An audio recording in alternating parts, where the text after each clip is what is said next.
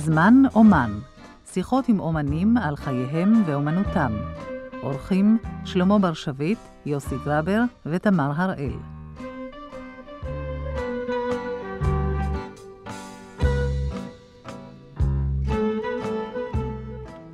והפעם עם ברטה ימפולסקי והלל מרקמן, מייסדי ומנהלי הבלט הישראלי.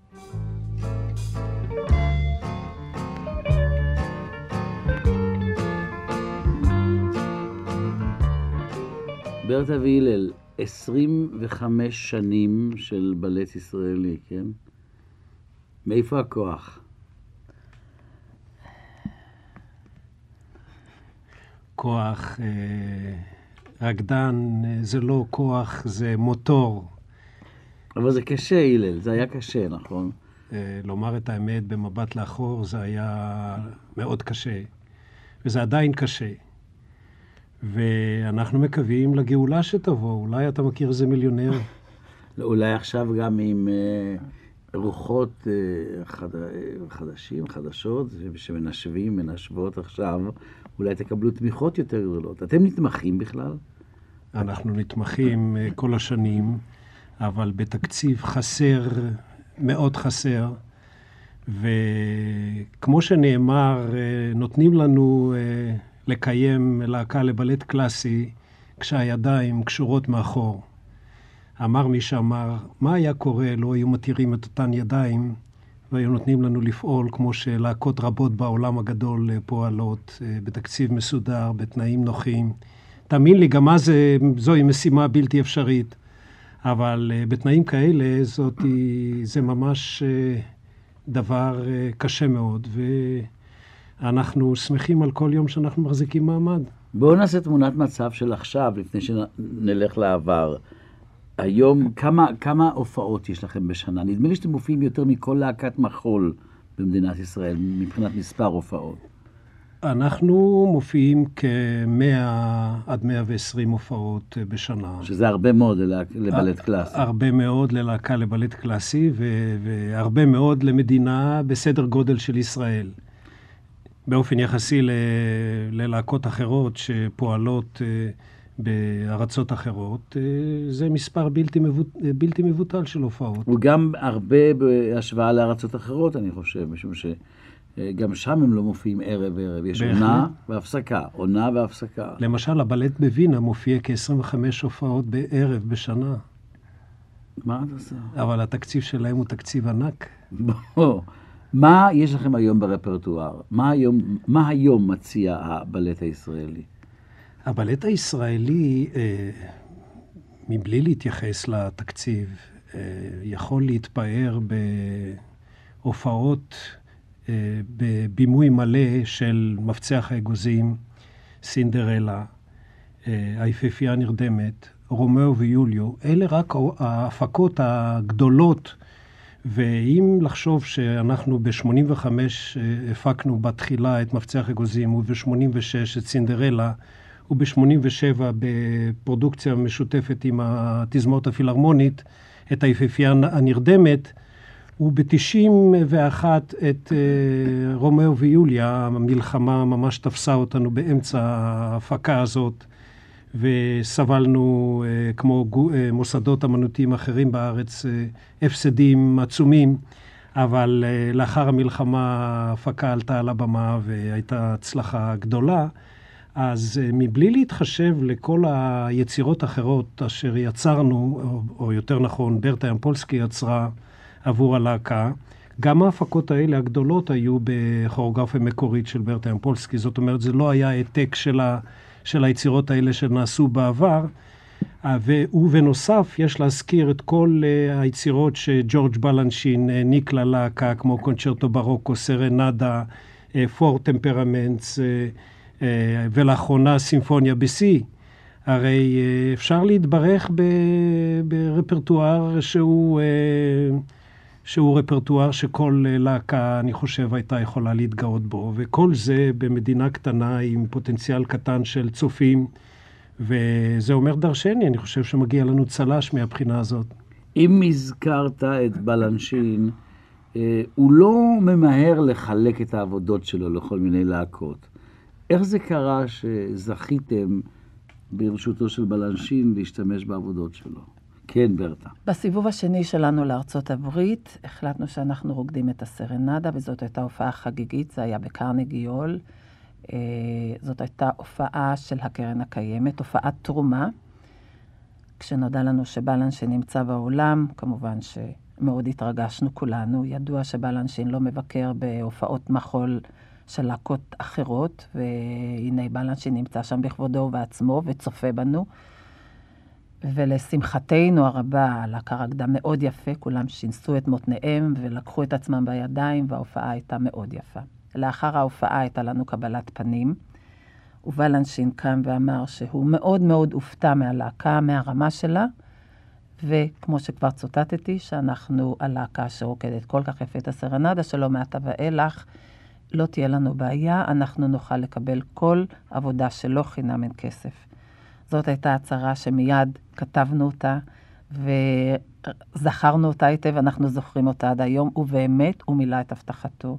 ומאז ללהקה יש בלטים רבים של בלנשין, יש לנו את הסימפוני אנסי שזה האחרון, יש לנו את קונצ'רטו ברוקו, יש לנו את פור טמפרמנט, יש לנו גם את אגון פדדה, ועוד ידינו נטויה. בואי נקשיב לסימפוני אנסי.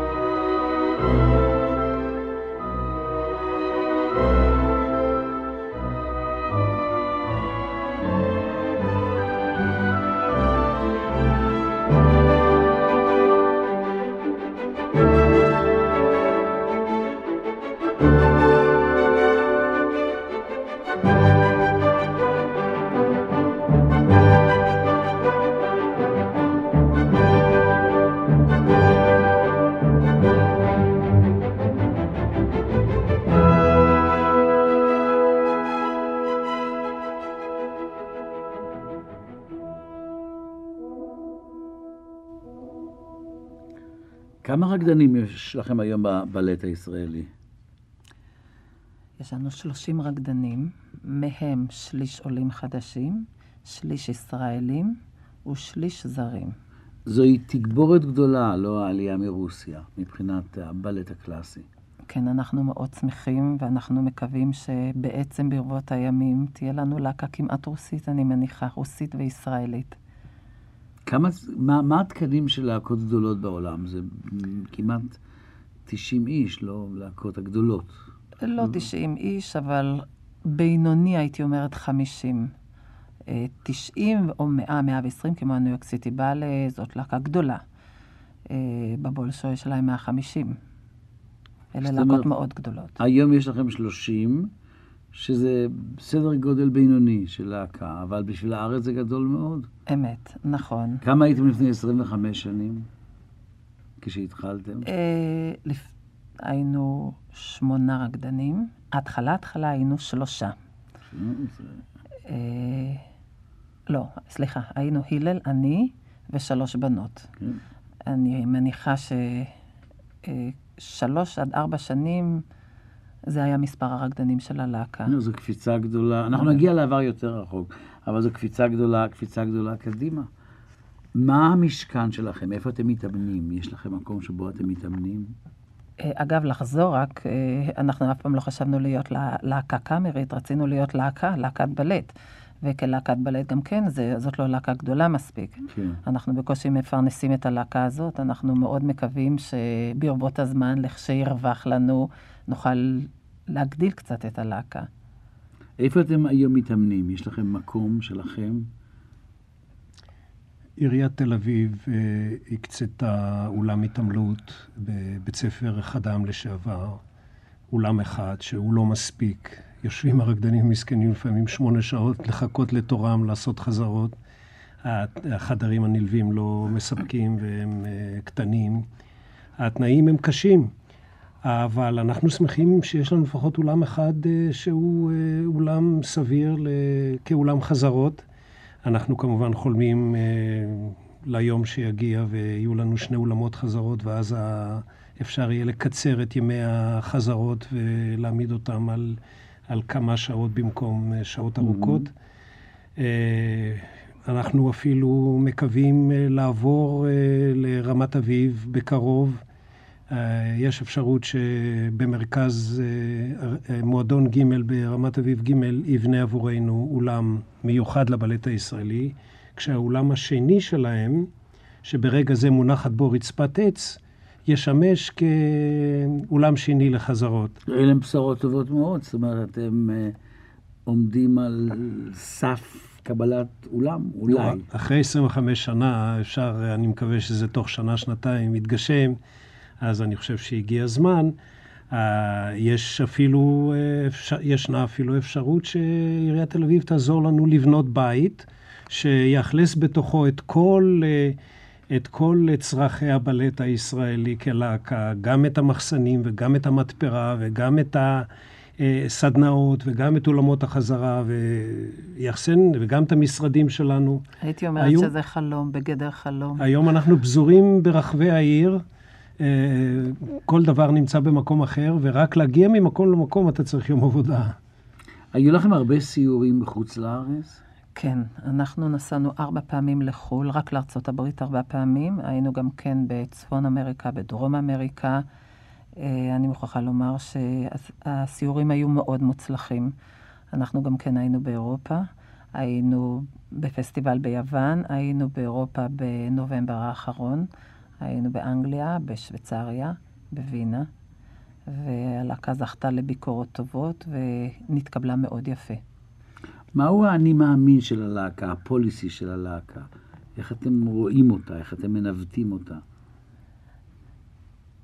האני מאמין הוא שאנחנו אה, נגדיל את מספר הרקדנים, שמשרד החינוך והתרבות יכיר בבלט הישראלי כבלט לאומי של מדינת ישראל, כמו שזה קיים בכל מדינה נאורה ותרבותית בעולם הגדול, שנתפוס את מקומנו הראוי לנו במרכז גולדה, ונכהן באותו מרכז אה, בצד האופרה הישראלית החדשה. אתם תקבלו, יש לכם הבטחה לגבי מרכז גולדה או שזה... לא. יש, יש דיבורים, עדיין כן. אין הבטחות לשום דבר. אני חושב שהמטרה העיקרית, קודם כל לגמור את הבניין, זאת משימה קשה כן. לכשעצמה.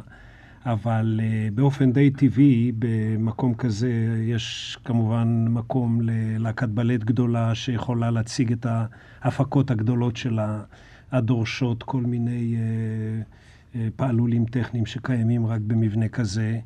אל נשכח גם שהאמנות הבלט הקלאסי מושכת קהל רחב ביותר כן. מהאוכלוסייה, מביאה את הקהל הצעיר ועד הקהל המבוגר, יש לה חתך גילים לכל אורך, לכל אורך הדרך. אה, אנו מקווים שתקום בישראל אה, להקה לבלט אה, רצינית ויסודית ומשמעותית, שכולם יסתכלו אליה למעלה. מבחינת רפרטואר, איזה רפרטואר אתם רוצים שיהיה לכם? מה, מה, מה מנחה אתכם בבחירת הרפרטואר? אני חושב שמבחינת הרפרטואר חשוב מאוד להביא לקהל את הטוב ביותר שיש. אה, רבים מאשימים אותנו, למה אתם לא מנסים את זה ולמה אתם לא מנסים את זה. אנחנו לא לקהל לניסיונות. וורקשופ אה, זה דבר יפה, אבל צריך לעשות במסגר, במסגרות המתאימות. אני חושב שהקהל, וגם, וגם הקהל הצעיר, בל נטעה, שלא, שלא יחשבו אנשים שילדים יכולים לקבל משהו שהוא פחות מטוב. אני חושב שחשוב מאוד שהקהל יקבל את הטוב ביותר, ואני בטוח שכולם מבינים שהטוב ביותר, הוא, יש לו יחס ישר לתקציב גדול ו, ומלא, וכאשר יהיה התקציב הגדול והמלא, יבואו גם, תבוא גם הרמה הרבה, הרבה יותר גבוהה. ואני בטוח שגם הקהל ייהנה וגם אנחנו נהנה. כן, והשאלה שלי היא, האם אתם רוצים לפזול או ללכת יותר גם לכיוון המודרני? אה, אנחנו לא צריכים לבזול, אני חושב שכל מה שאנחנו עושים הוא מודרני. הוא מודרני בשפה של בלט קלאסי, אבל הוא בהחלט מודרני. אנחנו למשל לא חושבים, כמו רבים אחרים, שצריכים להגיש את, היצ... את היצירות של העבר בכוריאוגרפיה של אה, הכוריאוגרפים שחיו בעבר, כי הקהל אה, צוחק והוא מגחך, וזה נראה באמת לא, לא רציני. אני חושב שצריכים לחדש כל הזמן את הבלט הקלאסי כדי שיראה כמו שמחול צריך להיראות היום. באשר ל... ל, ל לעבודות יותר מודרניות, אני חושב שישראל מבורכת בלהקות מודרניות מסוגים שונים, ואנחנו מקווים להיות להקה לבלט קלאסי יחידה מסוגה בארץ, ולא עוד להקה אחת מודרנית מאלה שקיימות פה. מה... ובזה ייחודנו. מה סדר היום של הלהקה? שיעורים? כן, ברטה. הייתי, הייתי רק רוצה להעיר באשר להלל. Um, התוכניות שלנו, והתוכניות שלנו מאוד מגוונות, לדעתי, כן? אנחנו, הבלט הרי זאת אומנות מאוד מורכבת, מנאו-קלאסי וקונטמפוררי, עכשווי. עוד בשנת 81 הרי עשיתי את עבודה ללא שם, שהיא עבודה עכשווית בהחלט. כנ"ל היה אופוס אחד של וברן, שזאת עבודה עכשווית בהחלט. הייתי אומרת שאנחנו הולכים עם הזמן, אנחנו לא קפאנו על שמרינו, אבל אנחנו חוזרים לשורשים. מדי פעם אנחנו מעלים את ג'יזל, כמו שעכשיו העלינו, ויחד עם זה אנחנו עושים לרקוד לפי שירים, לפי מוזיקה של ליאונרד כהן וסשה ארגוב, עם מתי כספי. אז אי אפשר לומר שאנחנו קופאים על שמרינו, אנחנו הולכים עם הזמן. אבל אם ישנה עבודה שאנחנו חושבים שעבודה תתאים ללהקה שלנו, אנחנו מאוד נשמח לרכוש אותה. אני במשא ומתן עם הנס ון מאנן, ואני מקווה שבעוד שנה אנחנו נקבל את ה Five Tangos שלו. אני גם כן הייתי במשא ומתן עם אירי קיליאן. לא כל כך קל עם אירי קיליאן, הוא חושב שהלהקה שלנו קצת מדי קלאסית. אבל אנחנו היינו רוצים את הטוב ביותר. אבל העבודות שלו מבוססות על, על, על תורה קלאסית בעצם, עם קודשים מודרניים. נכון, כן, אבל הוא תמיד אומר, כשהוא נותן את העבודות שלו, הוא לא מרוצה מהביצוע של הלהקות, איך שהן מבצעות את זה, ולכן הוא צריך להיות מאוד זהיר. ואיך שהוא ראה קסטה של הלהקה שלנו, חשב שאנחנו קצת מדי קלאסיים, והוא חשש. אבל זה לא מפריע לנו, אנחנו ממשיכים בשלנו, והאנס ון מאנן גם כן יהיה טוב בשבילנו. כן, הוא מאוד מודרני נחשב. נכון, כן. עכשיו, רומאו ויוליה של פרוקופייב, שאתם העליתם, אה, אה, מעלים גם בימים אלה, האם לזה תקראו גולת, גולת הכותרת עכשיו? של, של העבודות שלכם? אה, אני, אני לא יכולה לומר שזאת גולת הכותרת. לדעתי, כל ריקוד חדש הוא גולת כותרת. אה, יש אנשים שאוהבים את זה יותר, יש אנשים שאוהבים את זה פחות. פה בארץ מאוד אוהבים הפקות ואוהבים סיפורים, אבל זה לא רק פה בארץ, זה בכל מקום בעולם. ורומאו ויוליה זה הרי סיפור כל כך יפה, וסיפור שקרוב לליבו של כל אחד, כך שאין בעיה. בא הצופה, הוא מזדהה עם מה שהוא רואה על הבמה, והוא מאוד נהנה, בדרך כלל. ואני מוכרחה לומר שלרומא ויוליה הייתה הצלחה מאוד גדולה.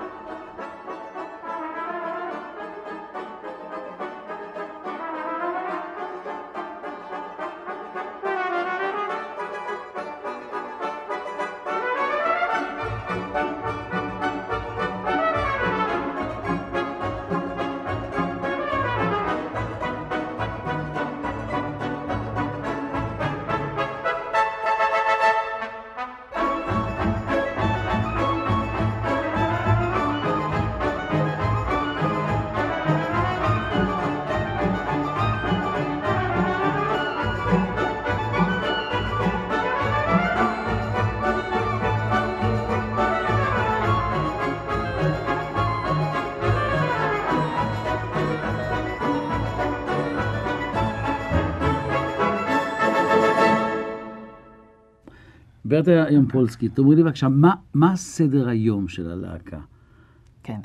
סדר היום מתחיל כך, בבוקר, בשעה תשע וחצי, שלוש פעמים בשבוע מתחילים את השיעור, ושלוש פעמים בשבוע בעשר.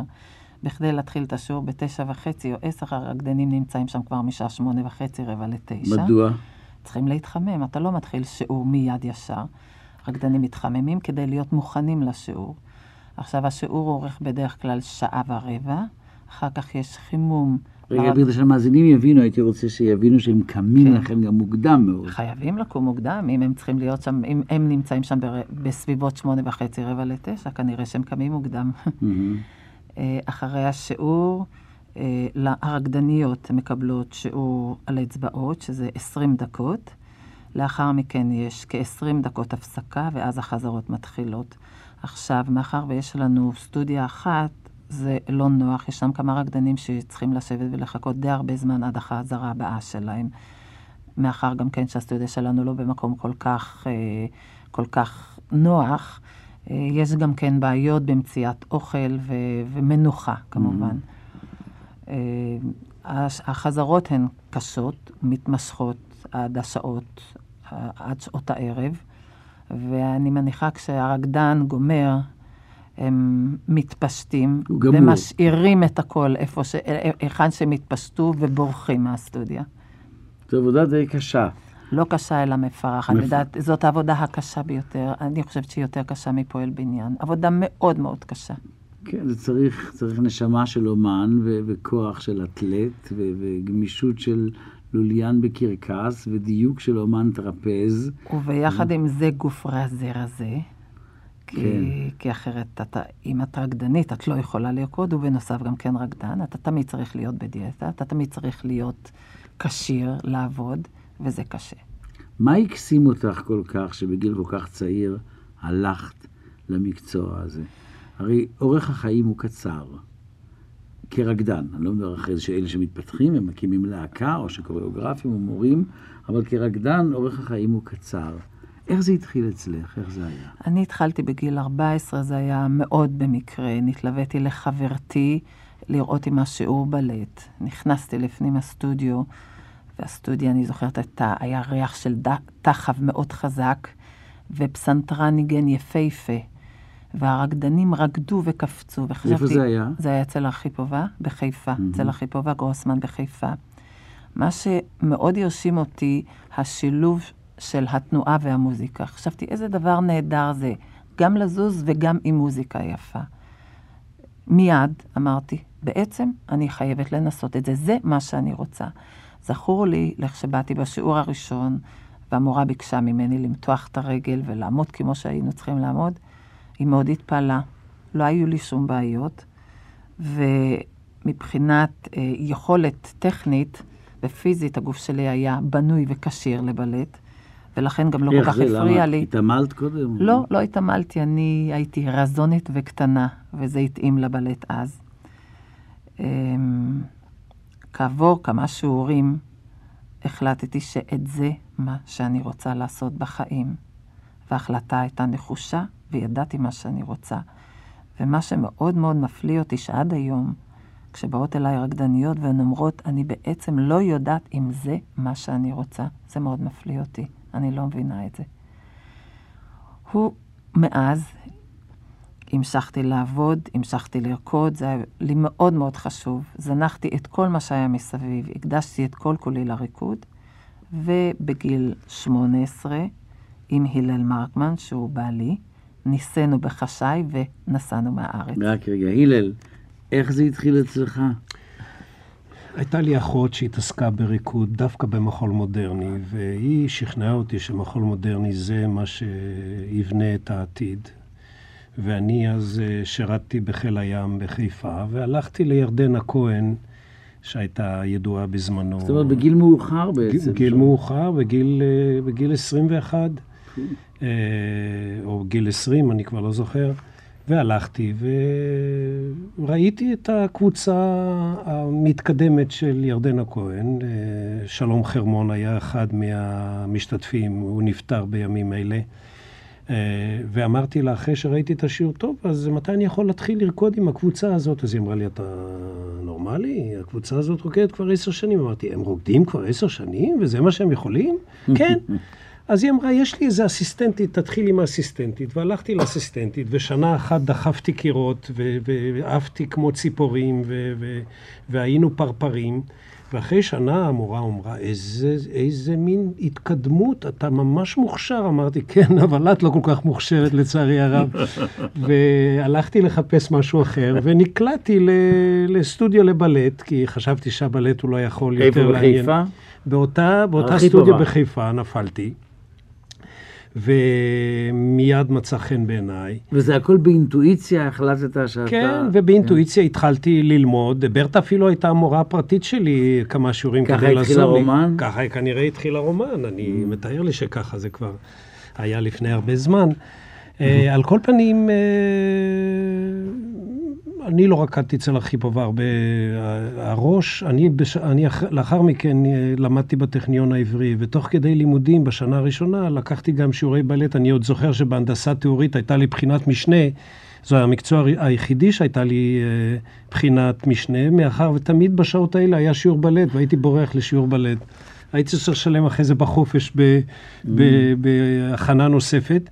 אבל זה היה כדאי, ואחרי שנה החלטנו באמת לנסוע למקום שאפשר היה... והתחתנתם גם בינתיים. יחד עם כן. ברטה, לנסוע ללונדון ולהשתלם בבלט. וכך באמת היה, ונסענו יחד ללונדון, וחיינו חיים של סטודנטים. והיה מאוד קשה, כי אי אפשר היה לעבוד, היית צריך לעבוד בעבודות מזדמנות. אבל uh, ניצלנו את הזמן היטב, ואז נראה לנו שלונדון היא גן עדן של העולם. הייתה מיוחדת במינה, והבלט היה אז אה, ברומו של אה, עניין. גם היום הבלט הקלאסי בלונדון תופס עמדה מאוד חשובה. והיה מאוד מאוד uh, טוב לחיות שם. מה חבל שכשרצינו להצטרף ללהקה מקצועית, בסופו של דבר, אז האנגלים לא היו כל כך uh, uh, מסבירי פנים. כמה ו... שנים הייתם בלונדון? אני חושב שהיינו כארבע שנים. לא, מדויק שלוש שנים. שלוש, שלוש, שלוש, שלוש וחצי כן, שנים. ובעצם מצאנו את uh, עתידנו המקצועי דווקא באירופה, בהולנד. זאת אומרת, את לונדון עזבתם. את לונדון עזבנו. לא יכולתם לעבוד שם? בשום פנים ואופן, האיגודים היו חזקים מאוד, ואפילו שרצו לקחת אותנו ללהקות מקצועיות כמו הפסטיבל באלה.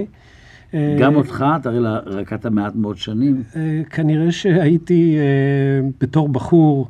את, את תורת הבלט תפסתי מהר מאוד. מה שלקח לי הרבה זמן זה היה לה, להכניס את הגוף למסגרת הבלטית, וזה דבר שכל זמן הקריירה שלי הייתי צריך לעבוד עליו.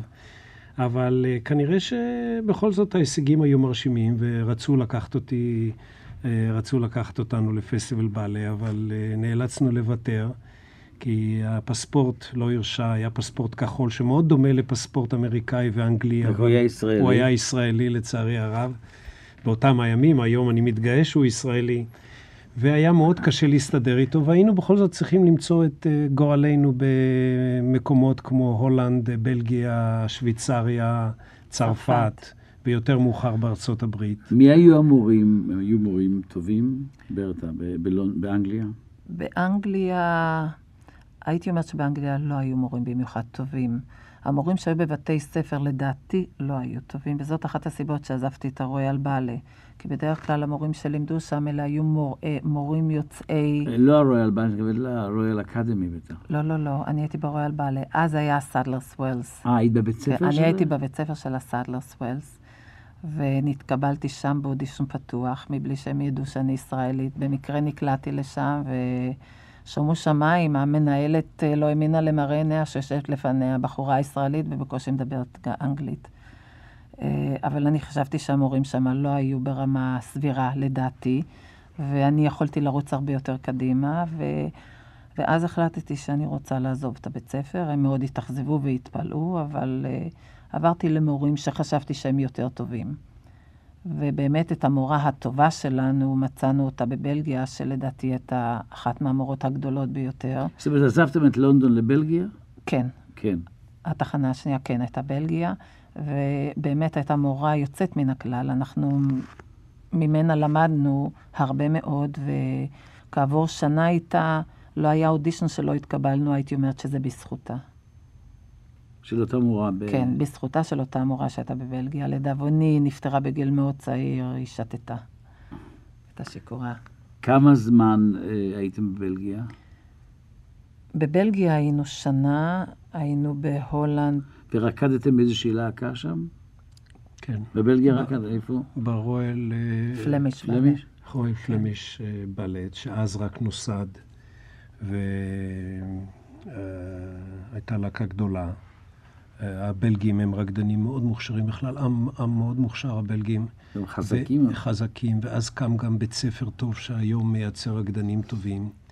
הרויאל פלנדרס היום היא להקה רצינית ביותר. Mm-hmm. והמנהל של הרויאל פלנדרס זה בחור שהיה בבית ספר כשה, כשאנחנו, כשאני רקדתי ברויאל פלנדרס, הוא היה אחד מהמריצים שלי mm-hmm.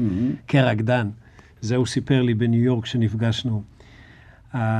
רוברט דנבר שמו. רוברט דנבר, כן. הבחור מאוד נחמד. אה, מבלגיה עברנו לשוויצריה, היינו רקדנים אה, ראשיים בשוויצריה. אה, אנחנו הובלנו גם כרקדנים ראשונים את הבלט השוויצרי כשהוא נסע ליוון להשתתף בפסטיבל. היה קומפוזיטור ארתור שטיבלר. שאת העבודות שלו נסו להציג שם, ואנחנו היינו הרקדנים הראשיים אה, כאורחים. ואני זוכר שבקבלת פנים בשגרירות השוויצרית, שהם אה, עשו לי בשביל הלהקה, הם ממש התפלאו לראות רקדנים ראשיים מישראל, שבאים בראש להקה שוויצרית, זה היה נורא מוזר, הם, הם לא כל כך היו מרוצים מהעובדה הזאת.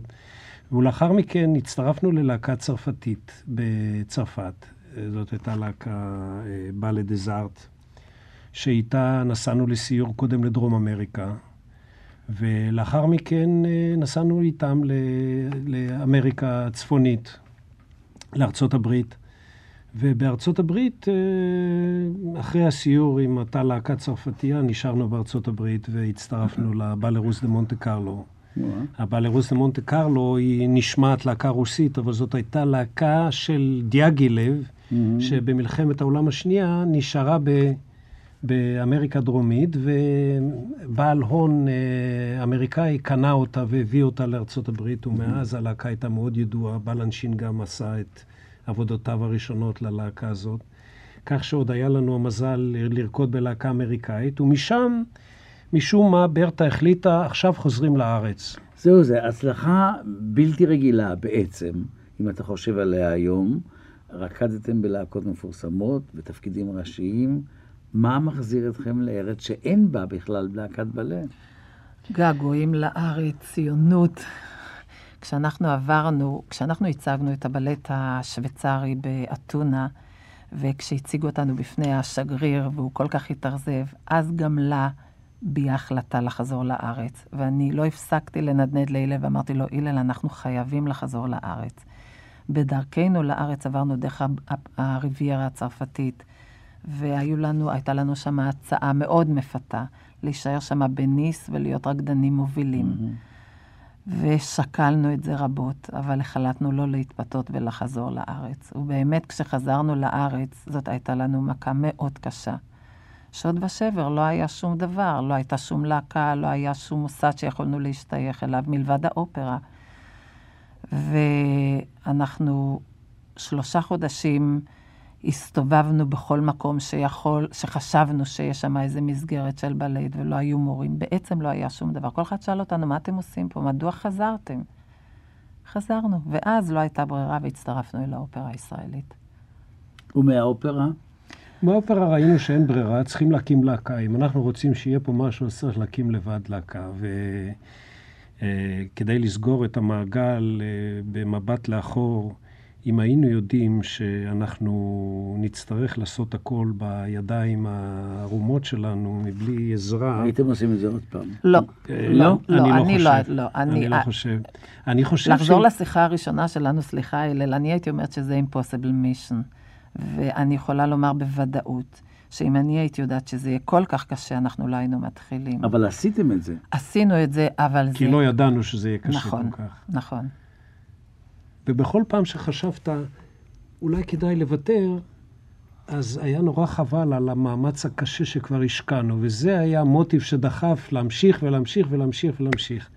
ואני מקווה שיהיה המשך אה, ברוך אה, למה שהתחלנו, כי אני חושב שאמנות הבלט הקלאסי היא האמנות המורכבת והמקסימה ביותר, היא כוללת את כל המנויות האחרות, וכשרואים בלט קלאסי במיטבו, אה, בעצם אפשר לומר שמה שנתן לנו הכי, הכי, הרבה כוח להמשיך, הוא הקהל שהמשיך לבוא וליהנות מכל מה שהראינו לו. ופעם בהזדמנות, בסיור בארצות הברית, באמצע הלילה, מצלצל הטלפון, ואיזה עיתונאי אמריקאי שואל, אז מה אתה חושב מיוחד בבלט הישראלי, שכדאי לבוא כל הדרך מישראל להראות אותו בארצות הברית?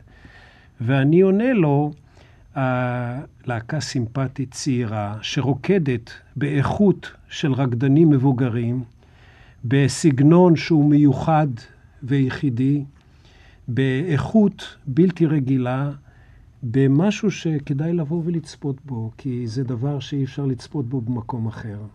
כשהתחלתם לא היה לכם קהל כל כך גדול, נכון? הקהל אה. הלך וגדל. תתפלא, מלכתחילה, כן? אנחנו מאוד מופתעים היינו, מלכתחילה היה לנו קהל. עד היום אנחנו זוכרים בנוסטלגיה איזה אולמות מילאנו עם, ה, עם החמישה-שישה רקדנים שהיו לנו, והקהל, עובדה שהקהל היה צמא מלכתחילה לבוא לראות בלט קלאסי. יום לפני מלחמת ששת הימים הייתה לנו הופעה בבית החייל, והיה לנו קהל של כ-200 נשים וילדים. זה היה הישג עצום, יום לפני מלחמת ששת הימים. משום שאז, כדי. להסביר שאז אנשים לא יצאו, היה מתח והיו מגויסים. כן. הבעלים ישבו בגבולות, חיכו לאויב, ואנשים ישבו באולם וראו בלט קלאסי. אבל אתם מספרים על זה בפנים נורא שמחות, אז מה, מדוע אתם אומרים שלא הייתם חוזרים על כל זה?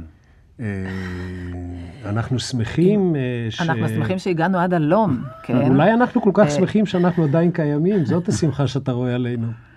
אתם לפעמים מצטערים שלא נשארתם בחו"ל, בקריירה בינלאומית? אני תמיד אומרת שאסור לבכות על חלב שפוך. אני אומרת, אסור, עשינו, ואנחנו צריכים להיות שמחים במה שעשינו, ולהסתכל קדימה. אתם מרגישים שהקמתם עתודה של רקדנים? כן, עכשיו? בהחלט. בהחלט. יש לי עתודה, יש לי דור שבהחלט ימשיך את דרכנו, בהחלט. יש לי רקדניות בכירות שהן עכשיו לוקחות חזרות, ואני מאמינה ובטוחה שהן תמשכנה את דרכנו. מלבד זה, ברגע ותהיה תשתית, תשתית של סטודיו ובית לבלט לא תהיה בעיה. אני מאוד מקווה ואני בטוחה. ברטה ימפולסקי והלל מרקמן, אתם מספרים על להקה. בדרך כלל אה, להקת בלט קלאסי תמיד נלווה בית ספר. יש לכם בית ספר? לדאבוננו הרב, עד עתה לא היה לנו בית ספר. מאז שהוציאו אותנו מכיכר המדינה. זאת אומרת, הייתם, קודם בכיכר המדינה? אנחנו היינו בכיכר המדינה, שם היה לנו בית ספר מסודר ומבוסס עם כ-200 תלמידים. מאז שעזבנו אנחנו נודדים ממקום למקום, ולא היה לנו בית ספר רציני. אנחנו עומדים לעבור לרמת אביב ג', לקאונטרי קלאב החדש, המחודש שלהם והיפה מאוד, ושם אנחנו עומדים לפתוח בית ספר, ואנחנו מאוד מקווים שתהיה הרשמה ושנתחיל מחדש בית ספר כמו שצריך. ושזה חשוב, לא... זה לא חשוב, זה הכרחי. לכל להקה יש בית ספר צמוד. אבל אה, לנו לא היה בית ספר, לא משום שלא רצינו, משום שלא הייתה לנו ברירה, לא היה לנו איפה ללמד. בכזה בית ספר, מה מלמדים? איך? באיזה שעות? זהו, אנחנו, אנחנו מתחילים עכשיו מגיל תשע, לא לפני גיל תשע.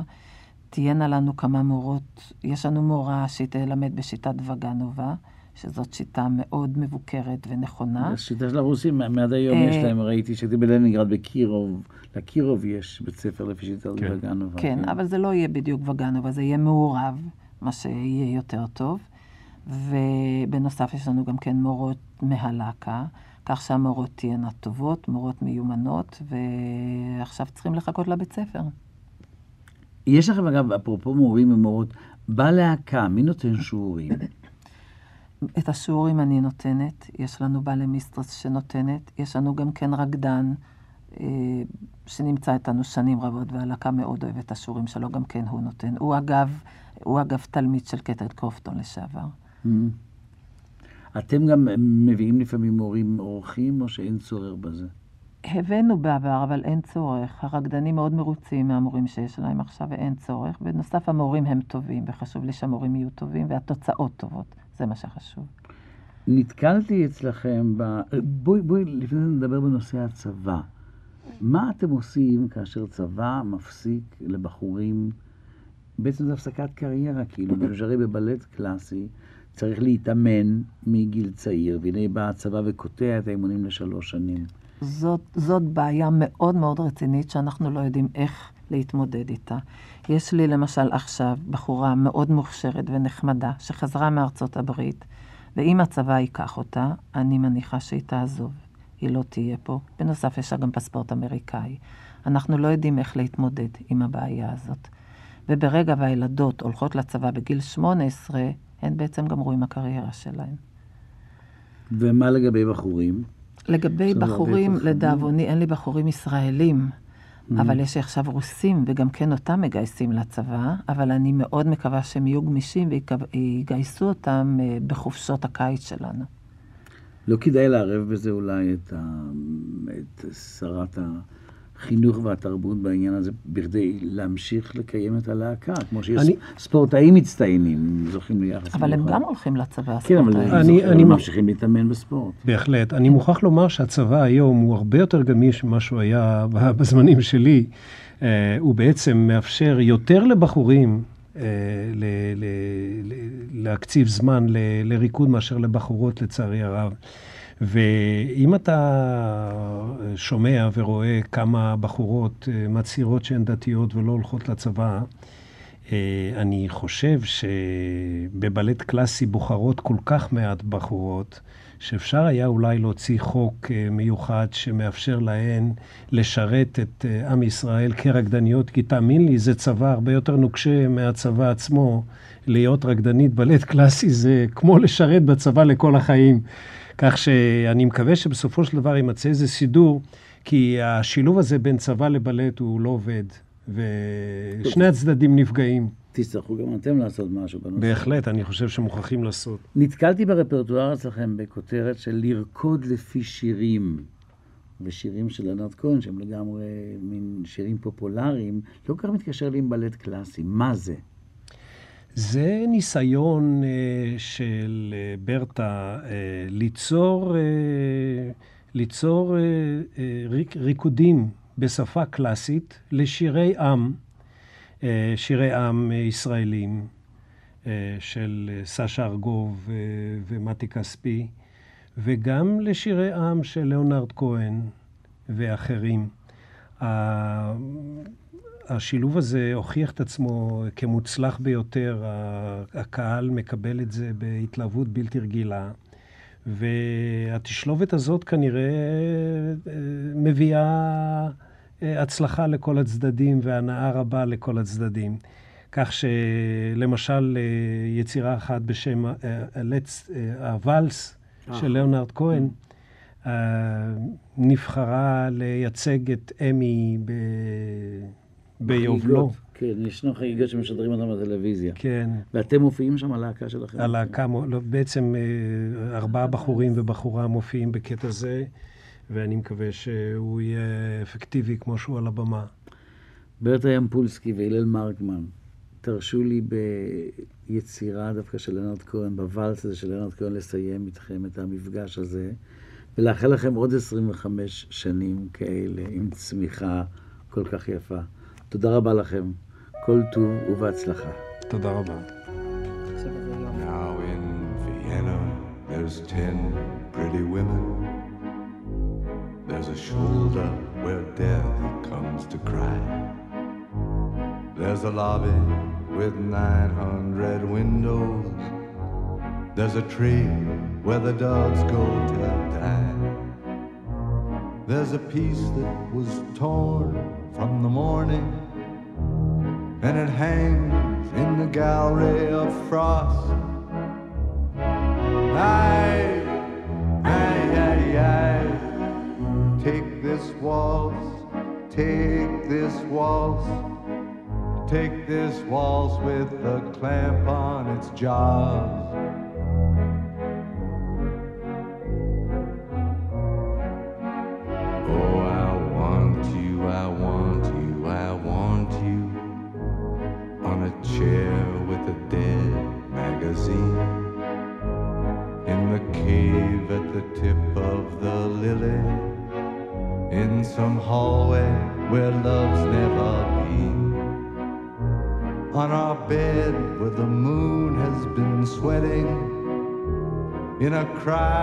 Filled with footsteps and sand. I, I, I, I. Take this waltz, take this waltz, take its broken waist in your hand.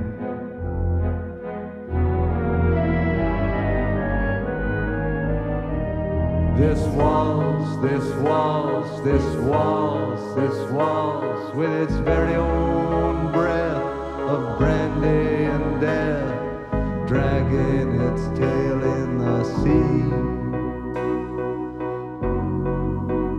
There's a concert hall in Vienna where your mouth had a thousand reviews. There's a bar where the boys have stopped talking. They've been sentenced to death by the blues.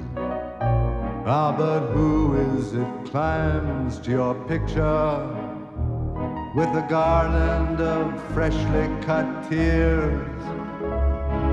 I, I, I, I, take this waltz, take this waltz, take this waltz, it's been dying for years.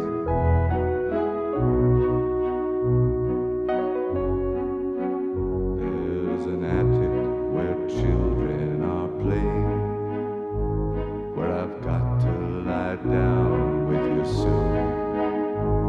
In a dream of Hungarian lanterns, in the mist of some sweet.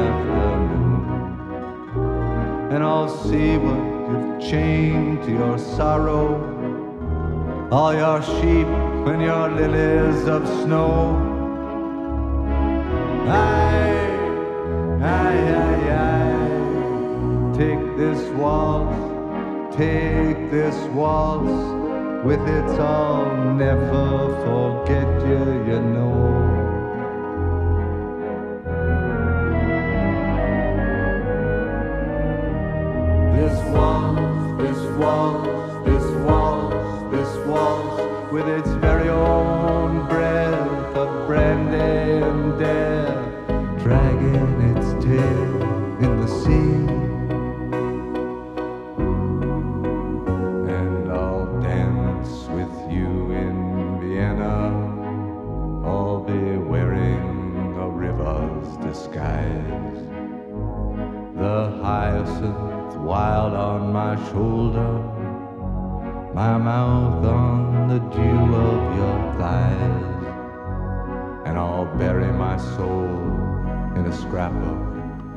ותודה רבה ליהודה מורים על הביצוע הטכני.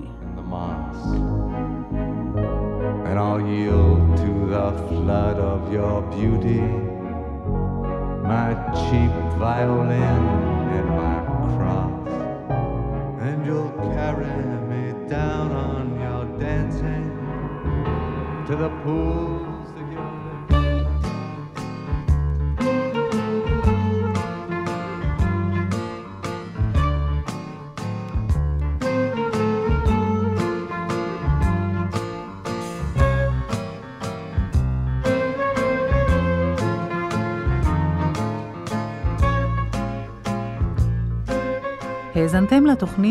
זמן אומן, שיחות עם אומנים על חייהם ואומנותם.